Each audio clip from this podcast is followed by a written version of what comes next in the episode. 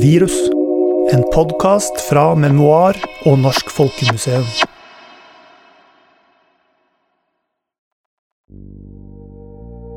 Leder for en eh, avdeling på 430 medarbeidere. Kombinert med det å være eh, småbarnsmor og følge opp til aktiviteter og de, de tinga der. Jeg syns egentlig det har gått greit før koronaen kom.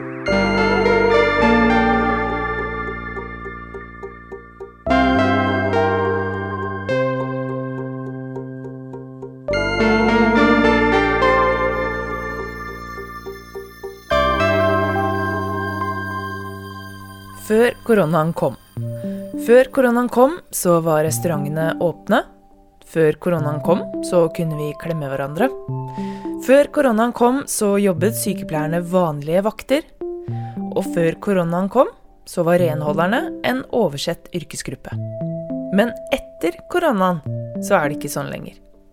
Vi har jo alle blitt påvirket av pandemien på en eller annen måte, men det må jo sies at det er noen grupper i samfunnet som har kommet ut i litt hardere vær enn andre. I denne episoden skal du få møte mennesker som levde helt vanlig liv med helt vanlige jobber, helt til koronaen kom. Da ble nemlig yrkene deres redefinert til å være samfunnskritiske. Noe som visstnok betyr at samfunnet ikke kan fungere uten dem. Nå skal vi først helt tilbake til begynnelsen av pandemien, herr Audun. Og da skal vi så langt tilbake at de fleste av oss kjente bare til korona gjennom mediene. Vi visste jo at det var et virus fra Kina, men det var ingen som hadde kommet hjem fra Østerrike ennå.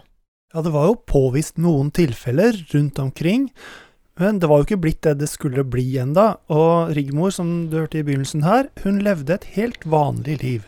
Ja, i februar i fjor så var Rigmor på jobb som leder for sine 430 medarbeidere på renholdsavdelingen på Oslo universitetssykehus. Hennes to små barn var på skolen, og ektemannen var på jobb. Det var egentlig en helt vanlig dag. Ja, eh, det var jo eh, Vi visste jo Vi har jo hørt mye om det her med koronaen og at man har kommet til Norge og sånn, men vi har ikke fått noe på sykehuset. Eh, og så har vi en veldig god dialog med spesielt akuttavdelingen på Ullevål, eh, hvor det er veldig mye smitte. Og de ba meg om et møte.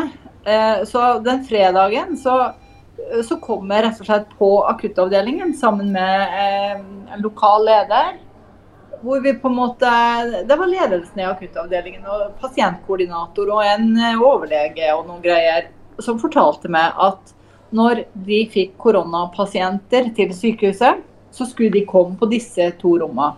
To behandlingsrom. Og de to behandlingsrommene de skulle vaskes. Vi ble enige om en fast eh, frekvens. De skulle vaskes eh, noen ganger i løpet av dagen. og dette her virka så kontrollert og så greit at jeg ble veldig sånn avslappet. da. Og, og gikk eh, tilbake til mine medarbeidere og ledere og fortalte da at eh, der skal koronapasientene inn. Det, eh, så jeg gikk jo hjem fra jobb sant, med lave skuldre og et lett hjerte. Men så kom telefonen, som forandra alt samme kveld.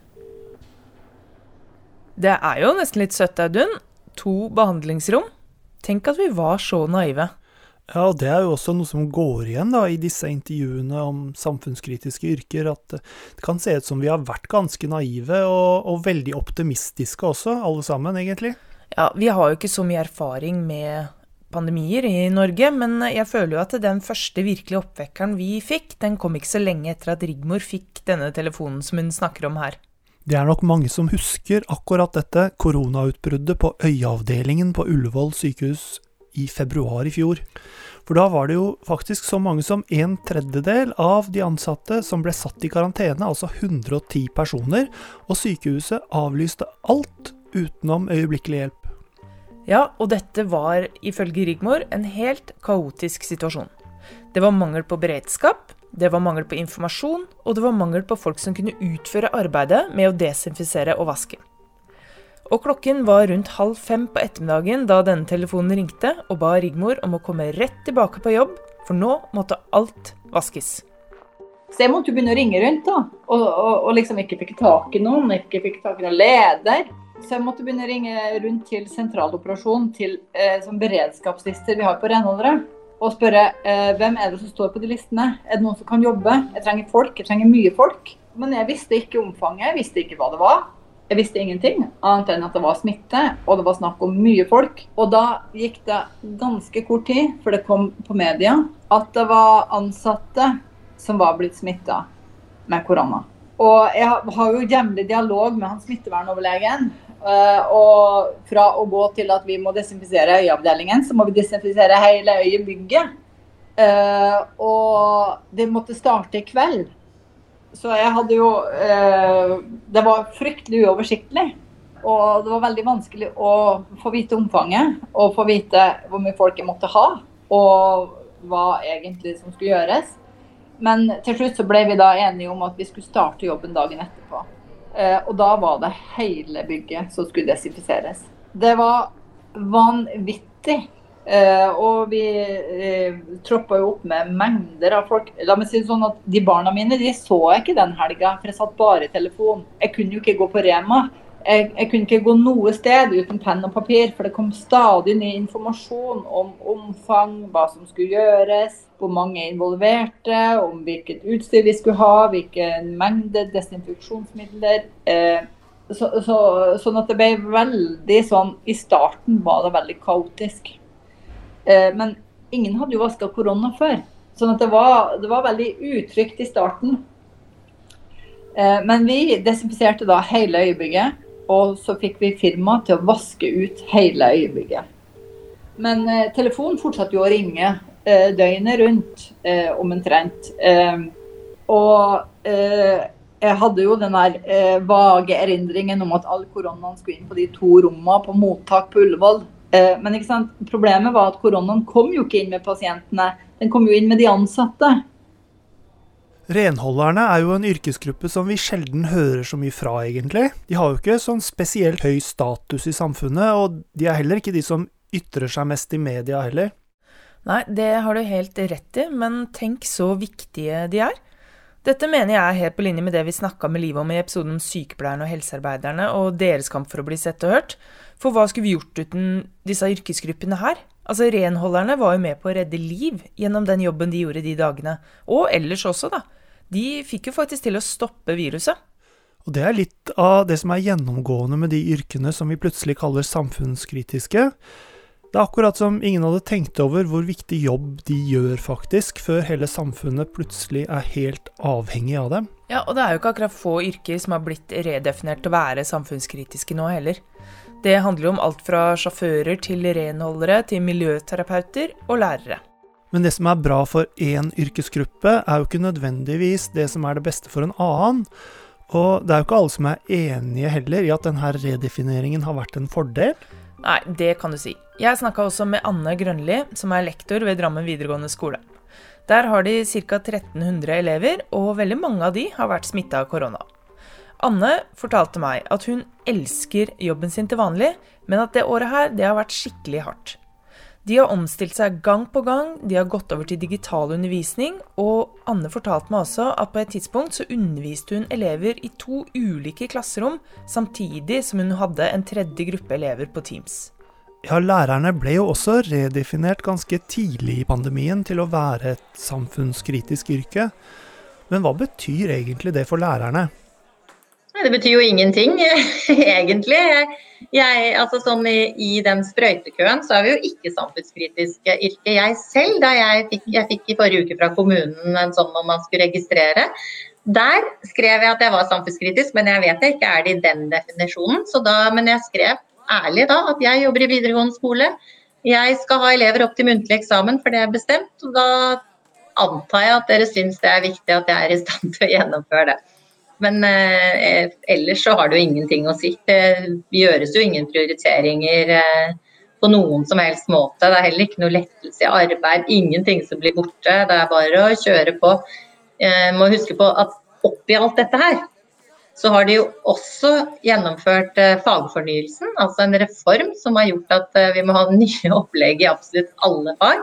Vi ønsket jo å utsette den til eh, ting var oppe. Det gikk myndighetene ikke med på i Viken, der jeg arbeider, så hadde vi som jeg sa, It's Learning som en uh, sånn plattform før, hvor jeg hadde jo masse materiale med undervisningsopplegg og tester og alt som lå der.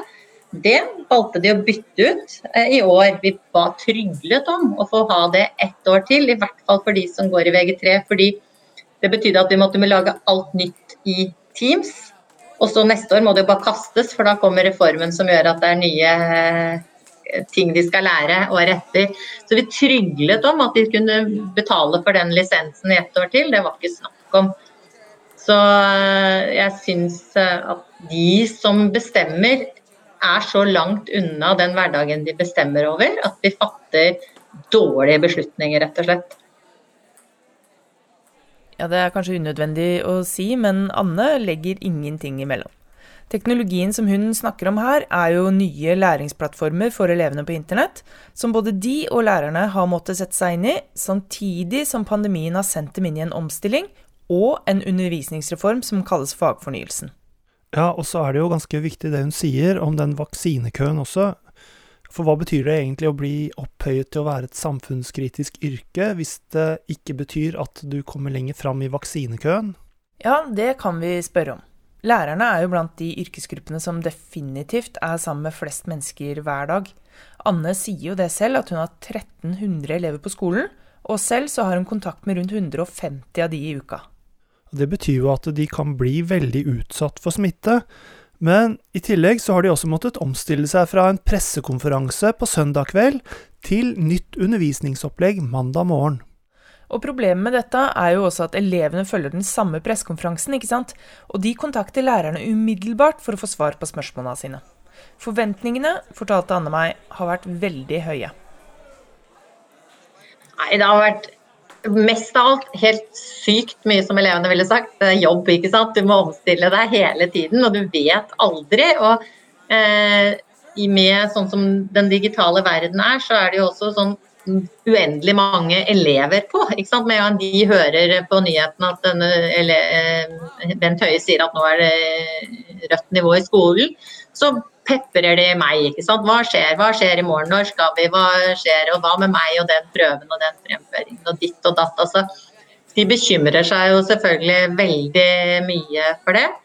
Så, og det blir enormt trekk på oss eh, lærerne for det. Vi har jo ikke noe skjermet sånn altså er, Jeg vet ikke om folk helt forstår det, men vi har jo ikke noe overtid. Det er ingenting. Det er bare mer jobb. Eh, vi har ikke fått fem flate nå ser det ut som vi kanskje skal få lite grann. Men det er bare forventet at du bare gjør det. Og det må man jo. Man har jo ansvaret for disse unge menneskene. Så Eh, disse omstillingene har vært krevende for egen del. ville jeg jo foretrukket at vi bare hadde hatt rødt nivå til det var liksom over. Fordi elevene var jo på skolen da også, men at det hadde vært lettere. Men, eh, men eh, de helsemyndighetene vurderer jo det annerledes, og det er greit. Men da syns jeg også de skulle sagt at uh, dette er noe vi gjør, og vi betaler dere for det, eller vi gjør, yter noe tilbake. Men isteden så har de bare kastet nye løsninger opp i hatten igjen og igjen og igjen. Og nå sa jeg bare, for vi fikk beskjed om at vi hadde en sånn beredskapsplan med rødt nivå, og de snakker om en tredje koronabølge som kan komme i april. Så sier jeg til de jeg er kontaktlærer for at ja, da, hvis, det er, eh, hvis det kommer en tredje bølge, så skal vi gjøre sånn og sånn. Og da bare Nei, vi orker ikke mer! Vi kan ikke ha Nå må vi være på skolen ute! Vi kan ikke det. Og en begynte å grine og si at å nei, vi må få være her nå. Så sier jeg vet du hva, det er det ikke jeg som bestemmer, men jeg prøver jo bare å gi dere en forutsigbarhet. At hvis det skjer, så blir det sånn og sånn. Ja, for dette er også en viktig del av historien til Anne. For hun bryr seg veldig mye om elevene sine, og hun har sett i det siste at utviklingen der, den går i litt feil retning. Ja, dette har vi vel også lest litt om at det er mange unge som sliter nå, og at de syns det er krevende med så mye digital undervisning. Og yrkesfag har jo også hatt det veldig tøft, sånn sett. Og det er også flere som søker hjelp enn tidligere. Ja, og det er akkurat dette Anne rapporterer om fra skolen sin også. At hun merker at flere og flere av elevene hennes faller fra. Kameraene skrus av, og oppgaver leveres ikke. Og det er det vel også flere som har sagt, da. Vi snakker jo om digital fatigue. Det gjelder jo også for barna. Ja, altså jeg har jo fryktet en heldigital skole. Jeg har vært litt sånn digitallærer på nettskole og syns jo det er helt pyton. Altså det gir så lite energi. Eh, jeg har jo vært nå også på noen kurs og greier på, med digitale løsninger. Det er så kjedelig. Så jeg tror jo, og er egentlig litt glad for det, at de mest Eh, digitaliseringsentusiastiske politikerne nå får seg en smell og skjønner at eh, det er eh, menneskelig kontakt vi trenger. Det er en god løsning. Altså jeg ser jo nettopp elever som er syke og alt, at jeg kan følge dem opp bedre. Har lært litt mer om hvordan jeg kan gjøre det. Jeg tenker også i noen sammenhenger møter istedenfor å reise så langt og greier, at man hele tiden kanskje bør vurdere hvor ofte man trenger å møtes face to face men gjennomgående så har vi vel lært hvor viktig det er. At vi kan bare glemme sånn robot life. Det er kjedelige greier. Vi må møtes ordentlig. Det fysiske er viktig, det blir jo tydeligere og tydeligere. Vi har jo sagt det i flere episoder og flere ganger, at det med å klemme og møtes fysisk, det er veldig viktig for oss mennesker. Ja, det er det vel ingen tvil om. Men denne digitaliseringsprosessen som vi har vært gjennom nå, den har jo også skapt en del nye muligheter. Og for de som jobber med sårbare barn, sånn som med enslige mindreårige flyktninger, eller barn og ungdom som opplever vold eller rus hjemme, da har f.eks. sosiale medier blitt et sted der hvor de kan kommunisere trygt med omverdenen. Det snakket Øystein Jensen om, faktisk. Han er miljøterapeut ved Heimdal skole i Trondheim, og han jobber veldig mye med nettopp disse ungdommene. Miljøterapeuter og folk som jobber i barnevern ble jo også en samfunnskritisk yrkesgruppe da pandemien kom, og det er jo helt forståelig. For det er jo disse yrkene som skal ta vare på de mest sårbare i samfunnet. Og for Øystein så inkluderte dette minoritetsspråklige ungdommer fra andre land. Ja, disse ungdommene blir jo ofte en sånn slags prosjektledere i familiene sine, for det er de som lærer om hvordan samfunnet fungerer på skolen. Og de vet jo da hvilke instanser man skal kontakte for ulike ting, og de lærer ofte språket raskere enn det de voksne gjør. Ja, nettopp. Og Øystein kunne fortelle at i fjor, da pandemien kom, så ble de ulike digitale plattformene faktisk gull verdt for han som miljøterapeut, og spesielt når ungdommen ble ordentlig redde ganske raskt så fikk vi de aller fleste av de over på en digital plattform. Um, og så ble også morsmålslærere brukt aktivt på de plattformene for å gi den informasjonen som trengtes på, på det morsmålet som elevene hadde. Da. Uh, men så var det jo selvfølgelig så glapp det jo, og noen syntes det var kjempevanskelig å, å, komme seg på de plattformen. Og da er det nå heldigvis sånn i 2020 at de aller fleste har telefon, da, så da gikk det noen å ringe. Så en del ble rett og slett oppringt da, av lærer, morsmålslærer eller av meg. Og noen få, øh, noen få var i en sånn ja, var sånn stilt at, at vi rett og slett måtte møtes, da. Og da gjorde i hvert fall jeg det sånn, og det her foregikk jo egentlig litt under hånden, for det, vi skulle jo ikke gjøre det i det hele tatt. Vi skulle jo ikke møte elevene, og det var veldig uttalt. Men jeg hadde møter med elever både ute i hagen, der jeg bodde, og vi møttes på et sånt kjøpesenter ikke så langt fra der jeg bor. da. Da satt vi liksom med litt behørig avstand og håpte at, håpte at ikke rektor skulle gå forbi ja. altså man, man, man, strakk, man, strakk seg, man strakk seg veldig langt, uh, og, og, jeg tror egentlig at man nådde ut med, med, den informasjonen. Men det er klart, noen misforsto jo. Uh, noen ble veldig redd. Ja.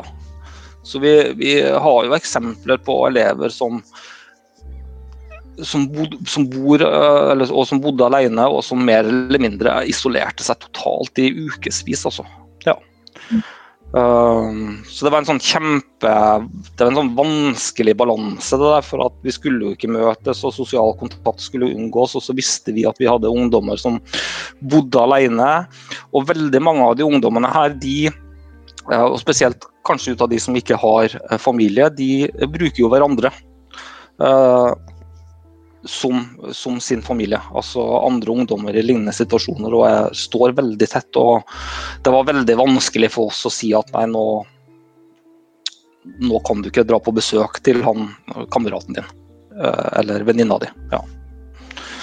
Um, ja. Ettersom tida gikk og pandemien viste seg å strekke seg ut i både tid og rom, så merka Øystein at det var flere som begynte å slite mer og mer. Og da var det ikke bare snakk om de som bodde aleine. Det er vel noe av det samme som det Anne fortalte om fra skolen i Drammen. At elevene begynte å skru av kamera. De ble mindre mottagelige for de forsøkene som lærerne og miljøterapeutene gjorde for å snakke med dem og holde kontakten med dem. Ja, så når skolen åpna igjen i fjor, da var det jubel. Det var omtrent eh, som en merkedag over hele landet da elevene kom tilbake til skolen med svære smil om munnen på en mandag morgen til og med. Ja, og Da stilnet kritikken litt også, men har du også lagt merke til at vi nordmenn i grunnen er ganske flinke til å følge myndighetenes påbud? Ja, det har slått meg også. Vi nordmenn er utrolig flinke til å overholde absolutt alle lover og regler som blir kasta på oss. Og selv om vi er uenige, og selv om vi ikke nødvendigvis støtter de partiene som lager de heller. For det er jo mange som forteller at de syns at tiltakene har vært for strenge. Og vi veit jo også at det er mange som ikke engang tror på at pandemien er så farlig, og at det virkelig er nødvendig med så strenge tiltak. Ja, og de skulle vi jo for så vidt gjerne snakka mer med, så jeg håper at de kan ta kontakt med oss gjennom nettsiden vår. Men han Øystein, når han så hvordan alle tiltakene påvirket disse ungdommene, og da spesielt de som var mest sårbare også, hva sa han egentlig om smitteverntiltakene da? Jo, det var litt interessant. Han sa rett ut at han hadde rett og slett bestemt seg for å ikke være kritisk, fordi han hadde mer enn nok å gjøre med både jobb og egen familie. For Øystein, som nå hadde et samfunnskritisk yrke, så hadde han ikke lenger tid til å være samfunnskritisk. Istedenfor å tenke sånn, så har jeg egentlig latt meg imponere så enormt av alle som har jobba i det feltet som jeg jobber i da med barn og unge. Jeg syns lærerne har vært det går ikke an å få fullrost i. Uh, og da snakker jeg om, om, om hele skolen. Uh, jeg syns at uh, jeg syns at fritidsklubber og fritidstilbud i byen, det som jeg kjenner til, har vært veldig, veldig på og, og, og jaga, jaga, ungdom i forhold til å, og den oppfølginga. Lagde digitale møteplasser, digitale fritidsklubber så jeg syns det var jo en situasjon som ingen kunne på en måte, Vi var jo ikke forberedt i det hele tatt. sånn at Jeg syns det er vanskelig å på en måte eh, etterspørre at det her burde ha foreligget planer og, og, det ene og det andre. Jeg syns bare at folk har gjort uh, har jobb, Folk har jobba mye mer enn uh, en det de har betalt for. Uh, folk har gjort sitt aller, aller beste. Og Det har vi også gjort. og så har vi, Ikke alt har man lykkes med, og så har man lykkes med noe, så har man prøvd, og så feila, så har man funnet en vei. Og, og, Da er det godt nok for meg, på en måte. Og det tror jeg virkelig at det tror jeg virkelig at uh, den politiske ledelsen både i Trondheim og i Norge også har gjort. Jeg tror det har, tror de har gjort sitt aller, aller beste da. Og da, Det er godt nok for meg. da. Krever ikke noe mer uh, enn det. Det viktigste for meg da, det er jo det her altså det som jeg, Jeg har sagt det flere ganger, men hvor utrolig mange dyktige mennesker det finnes på utrolig mange plasser rundt omkring i Norge. Og jeg har vært i kontakt det, Sånn yrkesmessig så har jeg ikke lært så mye i løpet av et år som jeg har gjort uh, siden jeg var student på 90-tallet. Og jeg har vært i kontakt med ja, et titalls uh, institusjoner, uh, organisasjoner, både offentlige, uh, statlige, kommunale, private. Og, og, nesten uten unntak så møter jeg velvillighet, kompetanse, en vilje til å få til ting. Så jeg har nesten fått litt sånn trua igjen. Og det er, det er deilig. Og så har jeg sånn eh, så av et sånt sånn utbytte, så har jeg, så har jeg nå jeg, Nå er jeg satt i, i, mye bedre stand i løpet av det året her til å gjøre den jobben som jeg har, for at jeg har fått et jeg har mange flere telefonnummer til folk som jeg kan ringe. og Jeg, jeg kjenner mange flere uh, dritdyktige mennesker som jeg vet at når jeg ringer, så får jeg bistand, hjelp, tips, råd som tar tak i ting. Uh, om det er flyktninghelsetjenesten, eller om det er DPS-en, eller om det er Nav. Uh, som har fått ufortjent mye pepper, for at jeg har vært ganske mye i kontakt med Nav. og det har vært helt krem.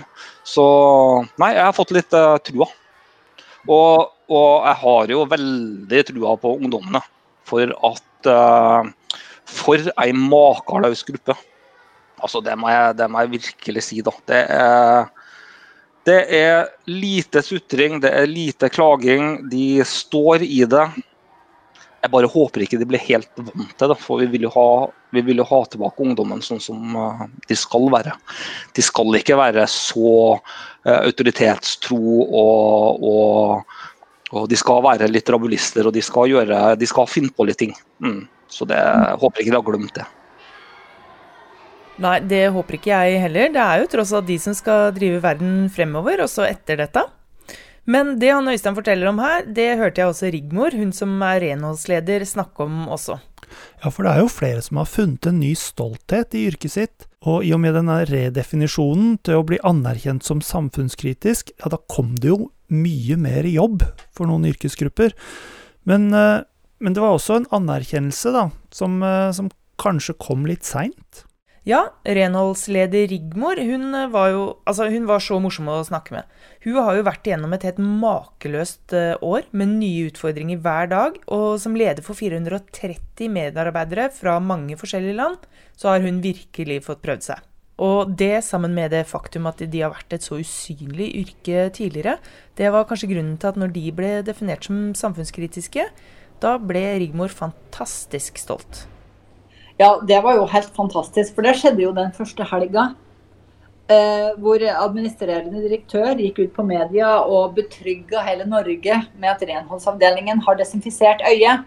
Og da ble vi jo kjempestolte over at eh, vi var liksom så viktige at når renholdsavdelingen har vært inne og desinfisert øyet, så var det ingen grunn til bekymring.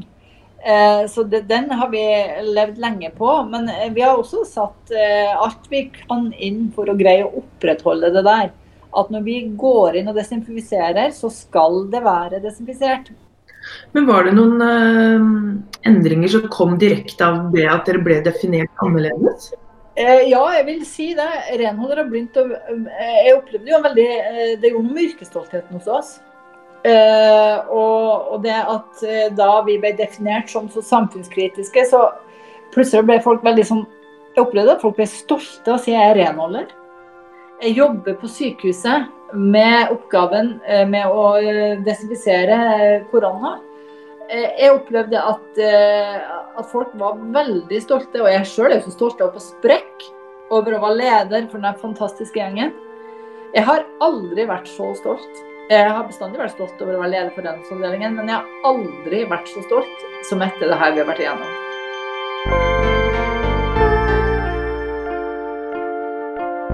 Vi håper du har likt de første fem episodene av Virus. Og husk at om du vil bidra med din historie, så kan du gå inn på minner.no, eller kontakte Memoar direkte på memoar.no. Nå blir det et lite opphold før det kommer en ny episode om ca. to uker. Men da skal du få en litt annen inngang til pandemien. Vi skal nemlig utforske de ulike tomrommene som har oppstått i samfunnet rundt oss. For pandemien har jo ikke bare påvirkning på jobben vår, den har jo også grepet rett inn i selve livet inn i kalenderen vår, og ikke minst inn i butikkene. Jeg skulle ha en sellerirot, jeg. Alt jeg manglet. Så jeg liksom titter inn, og så bare ser jeg et sånt menneskehav av folk som står i kø. Musikken du har hørt gjennom hele episoden, er spesialkomponert av Therese Aune. Hvis du vil høre mer av henne, så kan du finne henne både på Spotify og andre strømmetjenester, eller på thereseaune.com. Virus er en podkast laget av Memoar og Norsk Folkemuseum, og redaktør er Katrine Hasselberg og Audun Kjus. Du, Hvis du liker denne podkasten, som vi ikke hadde klart å produsere uten hjelp fra både Sparebankstiftelsen, DNB og Fritt Ord, så gå gjerne inn og gi oss en rating i podkastspilleren din. Jeg heter Katrine Hasselberg, og min medprogramleder er Audun Kjus. Takk for at du hører på.